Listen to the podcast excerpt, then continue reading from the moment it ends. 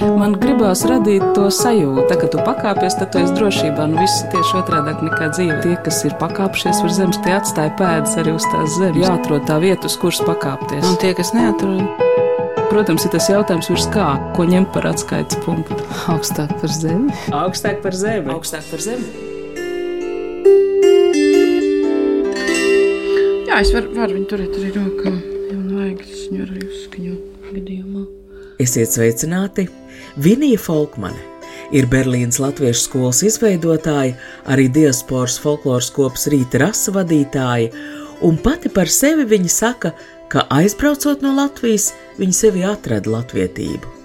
Mans vārds ir Anna Buševica, un saruna ar Viniju Folkmani, arī citām kopas rīta rasa dalībniecēm, mani pamudināja aizdomāties, kāda ir nacionālās pašapziņas loma izpausmes dzīvojot ārpus Latvijas. Līdzīgi kā visums nemitīgi izplešas, izplešas arī latvietība. Pēc brīža šai raidījumā teiks Rūte Vimba. Taču šobrīd mēs esam Latvijas radio studijā, un es pamazām sāku iepazīt šobrīd Berlīnē dzīvojošo Viniju Folkmani. Lai uzzīmētu jūsu portretu, man vajag šo to par jums zināt. Kā tiek pie tāda neparasta vārda Vinija? Jā, to man prasa īstenībā diezgan daudz cilvēku, kur man pirmo reizi satiek. Un eh, teikšu, ka tas ceļš arī līdz tam vārdam ir samērā neparasts. Jo manā māte gribēja man saukt par Tamāru. Es būtu Tamāra, ja vien viņas māsa nebūtu izlasījusi nāk no grobiņas, nebūtu izlasījusi tā laika rajona avīzē Leņķina ceļš bērnu sludinājumu, kurā kādai vinijai bija izteikta līdzjūtība ar kādu tuvinieku aiziešanu. Lūk, un viņa ieteica manai mammai, varbūt tu gribi ielikt vārdu vinija. nu, lūk, es uzzināju, ka jūs nākat no grobiņas. Kāda bija jūsu nu, dzīve toreiz, pirms Vācijas? Tad es dzīvoju Lietpājā jau. Bo es domāju, ka laba. Nu, bet, protams, bet kas ir jūsu izglītība, kas ir jūsu profesija? Es esmu grāmatvedis pēc profesijas. Esmu strādājis par finanšu direktoru, par nodokļu konsultantu, asistentu, par direktoru daudzos uzņēmumos. Tā ir mana sākotnējā izglītība. Un tālāk?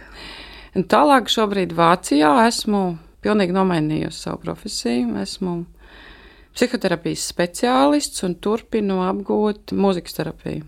Sakiet, tā kokla ir daļa no jūsu mūzikas terapijas, no šīs intereses. Gan, gan. Kokla vienkārši ir kā papildinājums tam. Es viņu izmantoju arī pavadot, ja es dziedu ar cilvēkiem, tad tas ir pavadījums, kā pavadījumi, jā. Bet koklē sākās patiesībā ar bērnu skolu Berlīnē. Es kopā ar domu biedriem nodibināju arī Berlīnas Latviešu skolu. Sāku vadīt mazuļu nodarbības no piecu mēnešu apmēram. Tāds man bija jaunākais bērniņš bijis. Mēs mūziku spēlējām uz atskaņotāju, un tad es sapratu, ka patiesībā dzīva mūzika ir kaut kas pavisam cits. Tad kaut kādā reizē es ieraudzīju Laimiju Jansonu ar kokli, kur bija atbraukusi vienā no 18. novembra pasākumiem, un es pie viņas piegāju un teicu, ka es arī gribētu spēlēt kokli, ka tas ir mans sapnis. Kaut kad pēc tam nopirku arī kokli, un pašmācības ceļā tad arī apgūvu pēc valdu muktu pāvēl grāmatas. Mēs izlaidām pāris sērijas. Kā jūs nokļuvāt Berlīnē? Kāpēc jūs dzīvojat Berlīnē? Par to ir atbildīgs mans vīrs. Kaut gan varbūt arī nē. Mēs ar vīru aizbraucām uz Berlīnu 2006. gadā vienkārši ekskursijā. Un mēs staigājām pa Podzamas laukumu, un es viņam saku, tu zini, man ir tāda sajūta, ka es te varētu dzīvot. Un pēc pāris gadiem viņam piedāvāja darbu tur 2010. gadā. Un tad mēs izlēmām, ka mēs arī braucam. Tātad 2006. gadā Potsdamas laukumā jūs eh, pateicāt, jā, te varētu. Jā. Un 2010. gadā sekoja iespēja. Jā. Jūs dzīvē bieži tagadās? Jā. Patiesībā ir tā, ka bieži vien, kad es esmu izteikusi savu vēlēšanos vai sapratusi to sajūtu, kā es gribu, tas ir nokārtojies nu, apstākļi paši aizved, vai dievs aizved, vai dzīve aizved, kā nu mēs katrs to uztveram. Es saku, ka es pati sev aizvedu uz turieni ar to savu vēlēšanos, ar to savu sajūtu, ko es savā dzīvē gribu.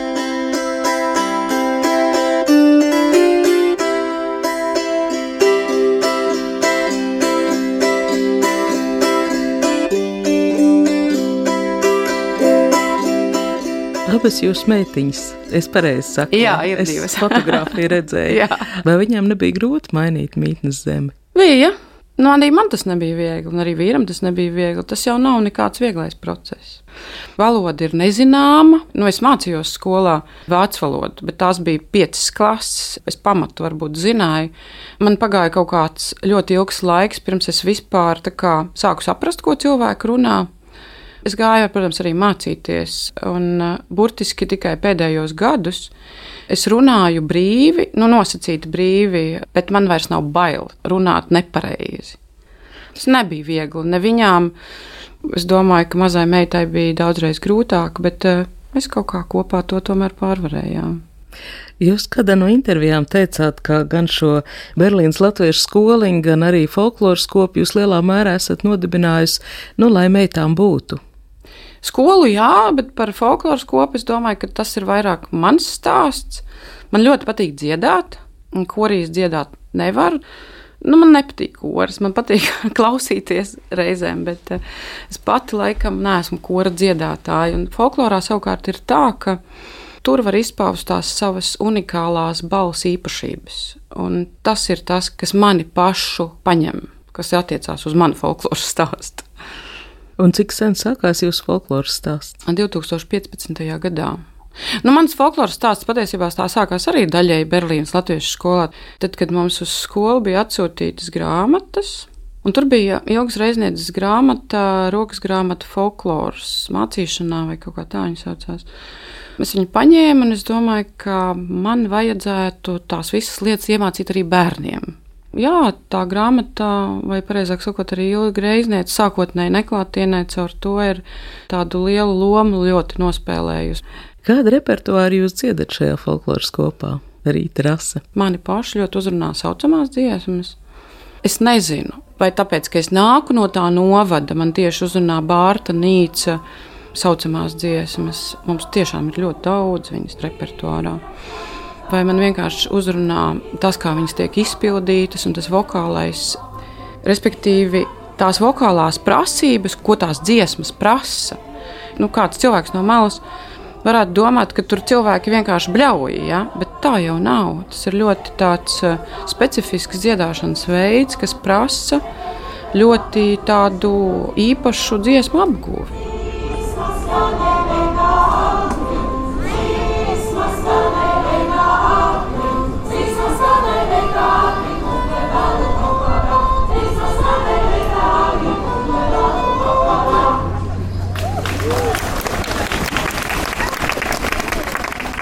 Pirmais, kas pārsteidz rīta rasai uzkāpjot uz Vērmans parka skatuves, tas ir dalībnieku skaits. Skatuve pienāk pilna, kopā šobrīd ir 17 dalībnieki, repertuārā folkloras kustības klasika.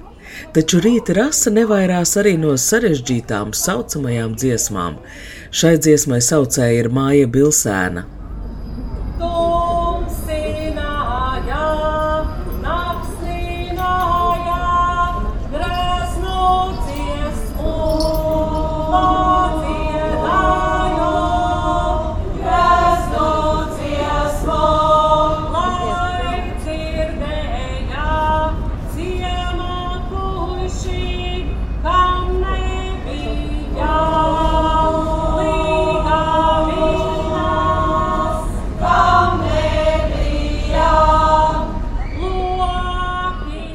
Kad rīta rases uzstāšanās ir beigusies, es eju klāt un nokļūstu absolūti mīļuma vilnī. Pēc priekšnesuma kopas dalībnieki ierasti sastājas aplī un jau savstarpējā apskāvienā izrunā uzstāšanos. Jūs smuki malačies visi. Māja, Rūta, vēl. Linda, kāds vispār Linda? Linda daudz. Jā, fantastisks. Jā, augstais tonis. Ļoti. Tu trīs pants paņēmi. Divas, man liekas, ka bet tik tā pilna trupa vispār ļoti. Es tā vēl blakus un vienkārši tur mirnos un laimes. Solis bija ļoti. Skaties, Nav tur, nebija beļķi, tu skaties. Es jau zinu, ka ar visiem kopas dalībniekiem aprunāties nesanāks, tāpēc lūdzu, lai sarunbiedri piesakās paši, vai drīzāk pārējo bīdīti. Labdien, es esmu Ilza Rīnska. Mans vārds ir Rūta Vimba. Aha, jūs atbildat par muzikālo pusi. Es skatos par Rūta, Rūta ir mūsu pirmā viola. Vienīgā. Un arī vienīgā. nu, nav taisnība, kad mēs Berlīnē taisām dancīšus, tad mums ir vēl divas O, jā, o, vijoles. jā, jā, jā, bet nu, mums tur jau, mēs jau esam tā attīstījušies, ka tur jau veidojās jau arī tāda muzikālā uh, nodaļa, instrumentālā. Izstāstiet par savu ceļu līdz folklorai. Es pat ļoti labi zinu, kad viņš sākās. Mans ceļš sākās 2016. gada novembrī Latvijas vēstniecībā, kad es pirmo reizi redzēju un dzirdēju rīta rasu uzstājamies. 15. gadā ir dibināta rīta rasa, tas nozīmē, ka 16. gadā viņiem jau bija nu, mazliet, bet nu, jau pieredzīta. Un tā viņa uzstāšanās bija tik, nu, tāda, nu, tur bija tāda enerģija, ka es domāju, man to vajag, man to vajag. Tajā pasākumā es tieši uzrunāju Viniju un teicu, vai es kaut kā varētu nu, arī piedalīties. Viņa tā savā tajā neatkārtojamā manierē, ne, nu nāc taču. tā teica, Apmēram, ko, nu, kā, ko, ko tu prasi, nu nāc. Tā. Jo vienīs stāstā bija interesanti, kur viņi teica, ka Latvija viņi ir atklājusi ārpus Latvijas. Man ir ļoti līdzīga situācija. Es agrāk arī neesmu ne ar ko tādu nodarbojies. Es nu labi dziedājuši. Katrs laikam esam kādā korī skolas mm. laikā un tā. Bet folkloru un tieši tādā veidā man arī tas ir bijis. Bet cik interesanti tas viss saliekās dzīvē, jo Vinijas nopelns, ka es sāku spēlēt kokli. Viņi man principā ielika kokli klēpī savu vienu kokli un teica, nu, paņem uz mājām, pastrēgšķini varbūt. Un tas bija tādā brīdī, kad acīm redzot, man to vajadzēja. Es to kokli paņēmu, tā kokla vēl joprojām pie manis. Un tad es atklāju, ka man mājās ir tēva taisīta kokla, kas gulēja vienkārši stūrī, nomest tēvs jau tajā saulē. Un kokla bija tāda puspabeigtā stāvoklī. Arī Vinija vienu vasaru atbrauca ciemos, paturēja kokli rokā un teica, iedot meistaram kādam, lai uzvāk labas stīgas. Man liekas, būs labs instruments. Tēvs jums bija taisījis kokli, tas tā 90. gadu Jā, pacēlumā. jā, jā viņš, viņš prata visu, gribēja visu, darīja visu. Uh, un kaut kāds bija kaut kāds kokļu meistars vai kaut kāds, kā šodien teiktu, workshops. Un tu, tur viņš piedalījās, uztaisīja, bet tā tā kokla gulēja. Un tajā laikā nevienā zvaigznē vēl nebija rakstīts, ka man būs kaut kāda ar to darīšana. Un tiešām pirms kādiem diviem, trim gadiem es ar to sāku nodarboties, un man mājās pašai tēvu taisīt kokli. Tas vispār tik aizkustinoši. Kā Manā gadījumā es uzaugu Brīvdabas muzejā, tautas starpā. Mammai līdzi brunčos, Baltijas ceļā, visos tajos augusta notikumos un uh, arī tautas starpā. Un, uh, tad, kad es aizbraucu no Latvijas, es kaut kā mēģināju to visu aizmirst un paslēpt. Man šķiet, ka jau pusauģis gados, un kaut kā es nejauši izpļāpājos kādam, ka es spēlēju violi. Un tad viņi, tad viņi mani ievilināja, un tajā brīdī man bija arī eh, meita, jau 4, 5 gadus veca. Tas man palīdzēja to visu atcerēties un atcerēties to labo. Nu, jo katram ir jau kāds iemesls, kādēļ viņš ir devies projām, vai ko citu meklējot, vai no kaut kā bēgot. Tad es sapratu tajā brīdī, ka es vairs nevaru izlikties, ka man tas vispār nesaista. ka tas viss iekšā ir un uh, lielāko daļu no tām dziesmām vai dančiem es zinu jau no. Kad Neapz- man vēl bija seši gadi, un es vēl īsti vijolu rokās nevarēju noturēt pulkā, emu pulkā teku. Kāds ir iemesls, kāpēc jūs esat Latvijas Berlīnē, nevis Latvijas Latvijā? Man tas dzīves ceļš aizveda uz Vāciju. Es sākumā dzīvoju Brēmenē, pēc tam Berlīnē. Tad, kad visas robežas nobruka, mans tas stāsts ir pilnīgi savādāks kā ļoti no tiem trimdiniekiem vai tiem cilvēkiem, kas bija. Kam bija jābēg, kam bija kaut kāda negatīva nokrāsta tam visam. Man bija tas gluži otrādi. Man pavērās pasaule. Es varēju braukt un to izzināt. Un pat cik es profesionāli nodarbojos mākslas nozarē, glezniecībā, nu, tas man bija pasaule vaļā. Bija muzeja, bija iespējas Vācijā. Katrā lielākā pilsētā tā mākslas pasaule ir tāda kā šeit Rīgā, visā Latvijā. Ja? Tas man bija tāda jā, profesionāla interese ļoti liela. Tagad, kad tā mm, satiksme ir tāda, kāda viņa ir, man godīgi sakot, līdz Rīgai nokļūt ir daudz vienkāršāk un ātrāk no Berlīnes, kā no Rīgas pēc tam līdz Reizeknei, kur ir mana vecāka māja. Es studēju Latvijas Universitātē žurnālistos. Aizbraucu no Latvijas, kā jau daudzi cilvēki, 2008. gadā, kad bija lielā krīze. Tajā laikā apstākļu sagadīšanās dēļ strādāju ministrijā, Eiropas lietu nodaļā. Un visiem bija skaidrs, ka tā būs pirmā, kur aizvērs ciet.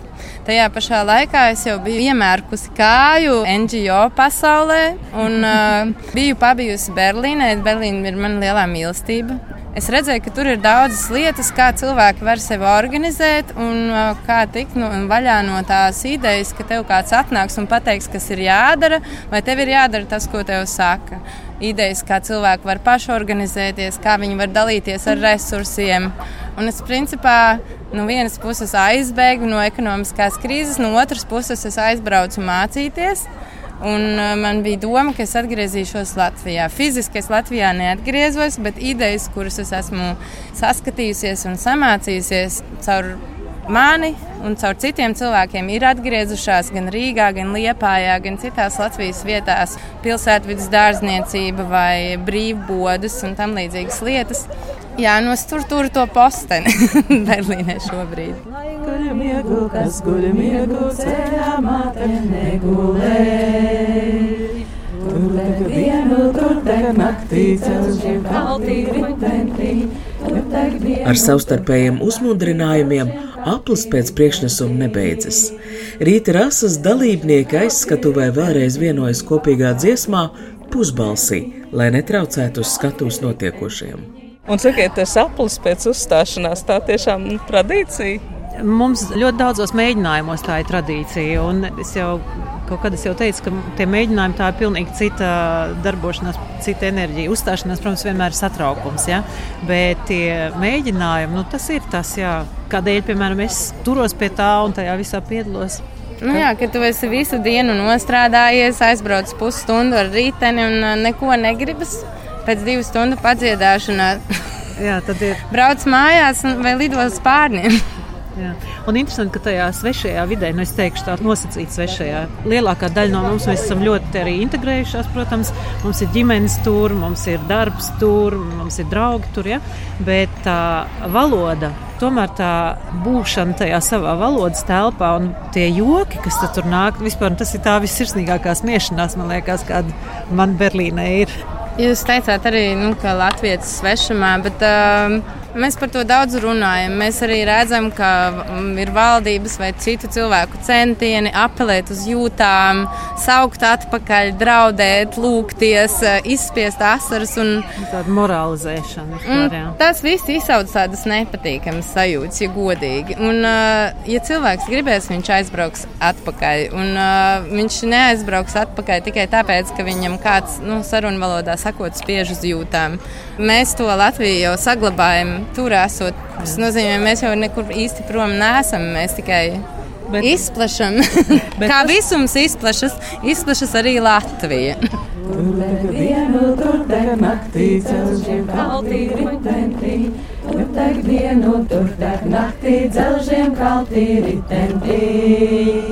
Jūs teicāt, ka tur Vācijā jūs atklājāt sev Latviju no jauna. Jā, tā ir. Es pirmkārt ieraugu gan sevi, gan savas vērtības, savādāk, vai precīzāk sakot, ierauga cilvēks, kas vispār viņam ir kādas vērtības.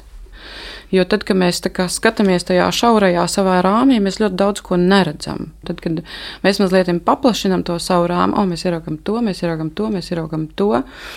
Es domāju, ka mans ceļš iespējams pat, pat nebūtu aizvedis ne līdz skolai vai līdz folklorai. Nu, es nevarētu iedomāties sev, piemēram, tautas tērpā. Ja? tad, ja es būtu palikusi šeit. Kas bija tas, ko jūs atklājāt? Es atklāju daudz vairāk dziļuma tieši caur folkloru. Nav tā, ka es to nezināju arī tajā laikā, bet tas man pavēra tādus pavisam citus, varbūt tās slāņus un paplašināja manu apziņu vairāk par to, kāpēc varbūt es esmu piedzimusi šeit. Un vēl ir viena lieta tāda, ko es tā kā sapratu, ka zināmā mērā tas mans uzdevums ir par to, ka es vēstu to, ka tas ir mans vēstījums, ka man ir jāiet pašai caur latvietību un jādod to tālāk citiem. Kad jūs vēstat Latviju, jūs kaut ko stāstat, nu izstāstiet arī tagad varbūt tās nevar to pat verbalizēt, kas ir tas mans vēstījums. Bet tad, kad es redzu, ka man pašai asaras ir acīs, vai ir kaut kāds dziļš aizkustinājums, tad ir tāda sajūta, ka kāds runā caur mani. Ja? Vai tas notiek caur latvietību, vai tas notiek caur tautas dziesmu, vai tas notiek caur tautas dziesmu melodiju, vai tas ir tāpēc, ka tā esmu es. To reizēm ir grūti pateikt, bet varbūt tas ir viss kopā. Ja? Varbūt jums ir jāpadzied vai jāpaspēlē.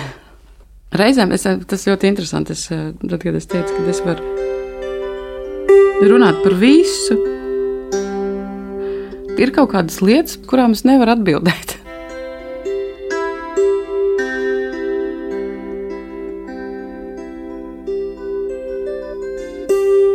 Man ir viena tāda ļoti, ļoti mīļa dziesma, ko koklas dziesma, kur mēs pirms vairākiem gadiem viena mūsu kopas dalībniece laulājās, precējās. Antra ar Jēnu precējās šeit Latvijā, Jens ir vācietis. Mēs bijām arī visas uz viņas kāzām, Nīcas pusē, Bernātos. Un mēs viņai dziedājām šo dziesmu. Tas ir, manuprāt, tāds latviešu stāsts par mīlestību.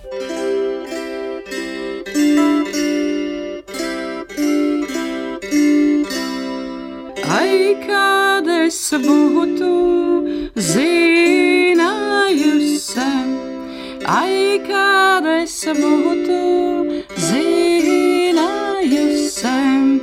ai, kuru ceļu tu atejāsi, ai, kuru ceļu tu atejāsi, ai, es būtu tu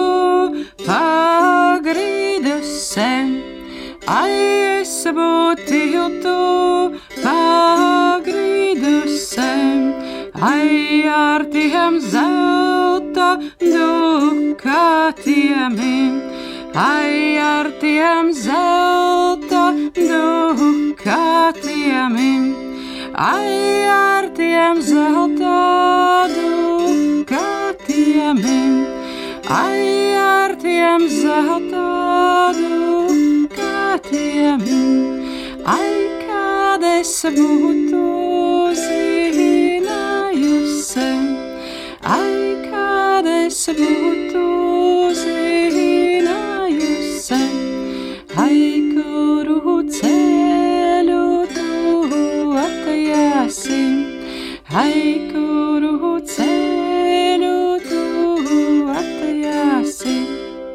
Es domāju, reizē man draudzens, tad, kad atklāja sev folkloru, parasti vispirms atklāja tās skaistās, tās mitoloģiskās dziesmas par saules meitām, par dieva dēliem, bet es aizvien vairāk gūstu iedvesmu tieši šajās sadzīviskajās.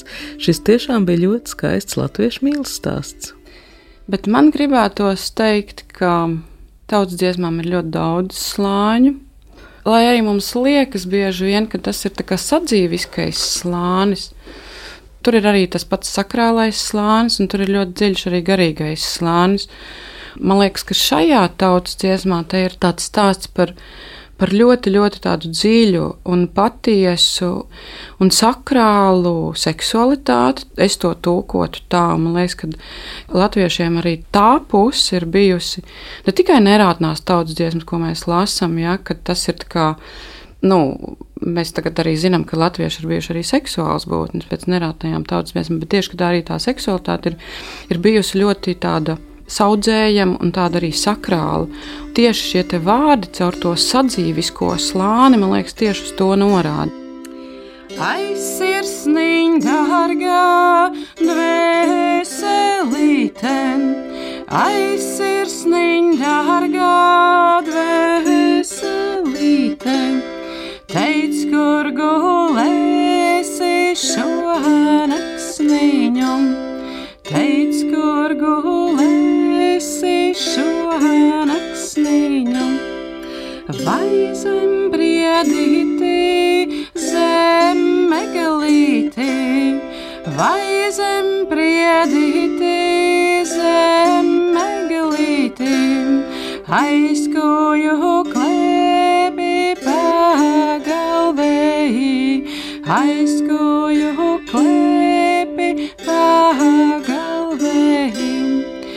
Ai, ja es būtu zinājusi, ai, ja es būtu zinājusi, būt aiznesusi paladziņu būt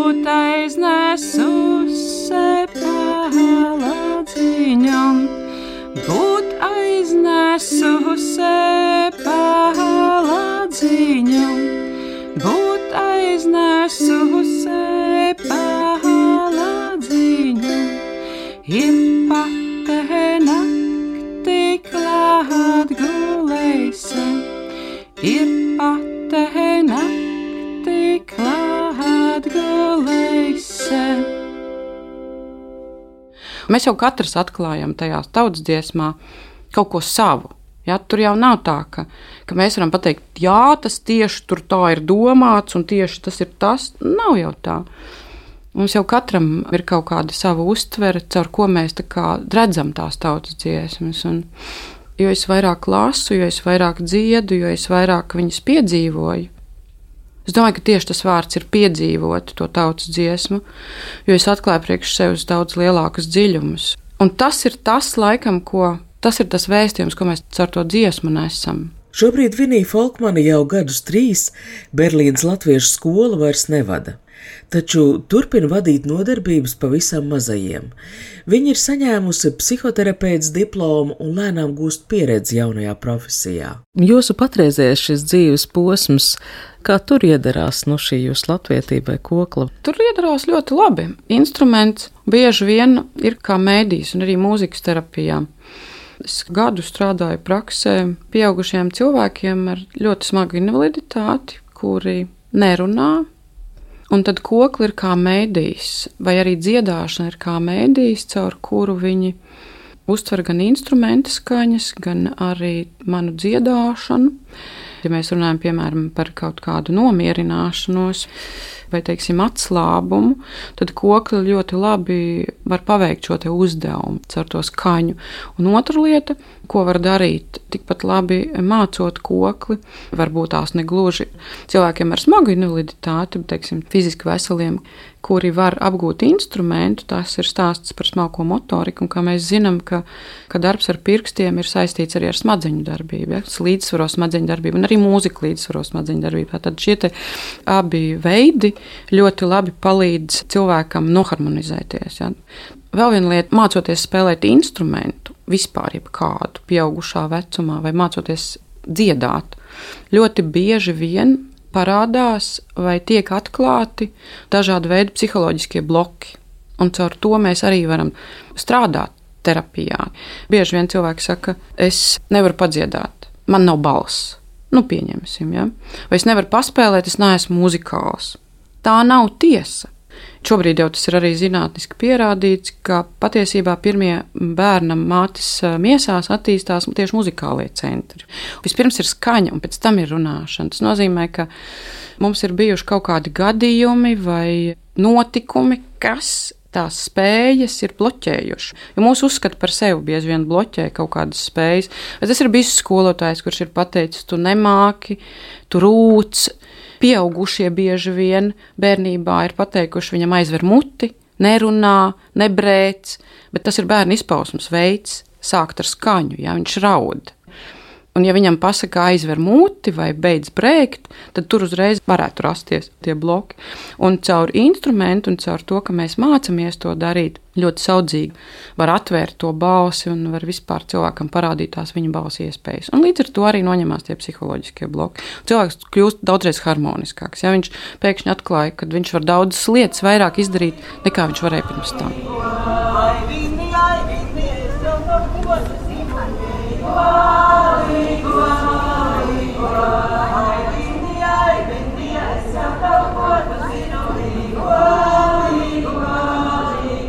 Folkloras kopa Rēvele uz Vērmanas skatuves apdzied rīta rasu un Viniju Folkmani par to vienu koklas stīgu, ko Vinija varētu stringšķināt līdz bezgalībai. Un kā jau apdziedāšanās reizēs tas mēdz būt, caur joku izteikts pārmetums bieži vien satur arī tās pašas cilvēku īpašības daudzinājumu. Ar Berlīnas latviešu folkloras kopas rīta rasa dalībniecēm Vinija Folkmani, Ilza Orīnsku, Rūtu Vimbu Par latvietību globālajā pasaulē sarunājās Anna Buševica. Par šī raidījuma skaņu gādāja Valdis Raitums. Tā kā tu pakāpies, tad tu esi drošībā. Nu, viss ir tieši otrādi nekā dzīve. Tas ir tā spēle, jā. Tie, kas ir pakāpšies virs zemes, tie atstāja pēdas arī uz tās zemes. Protams, ir tas jautājums, ko ņemt par atskaites punktu. Nē, nu, principā ir skaidrs, augstāk par zemi. Jāatrod tā vieta, uz kuras pakāpties. Augstāk par zemi. Augstāk par zemi. Augstāk par zemi.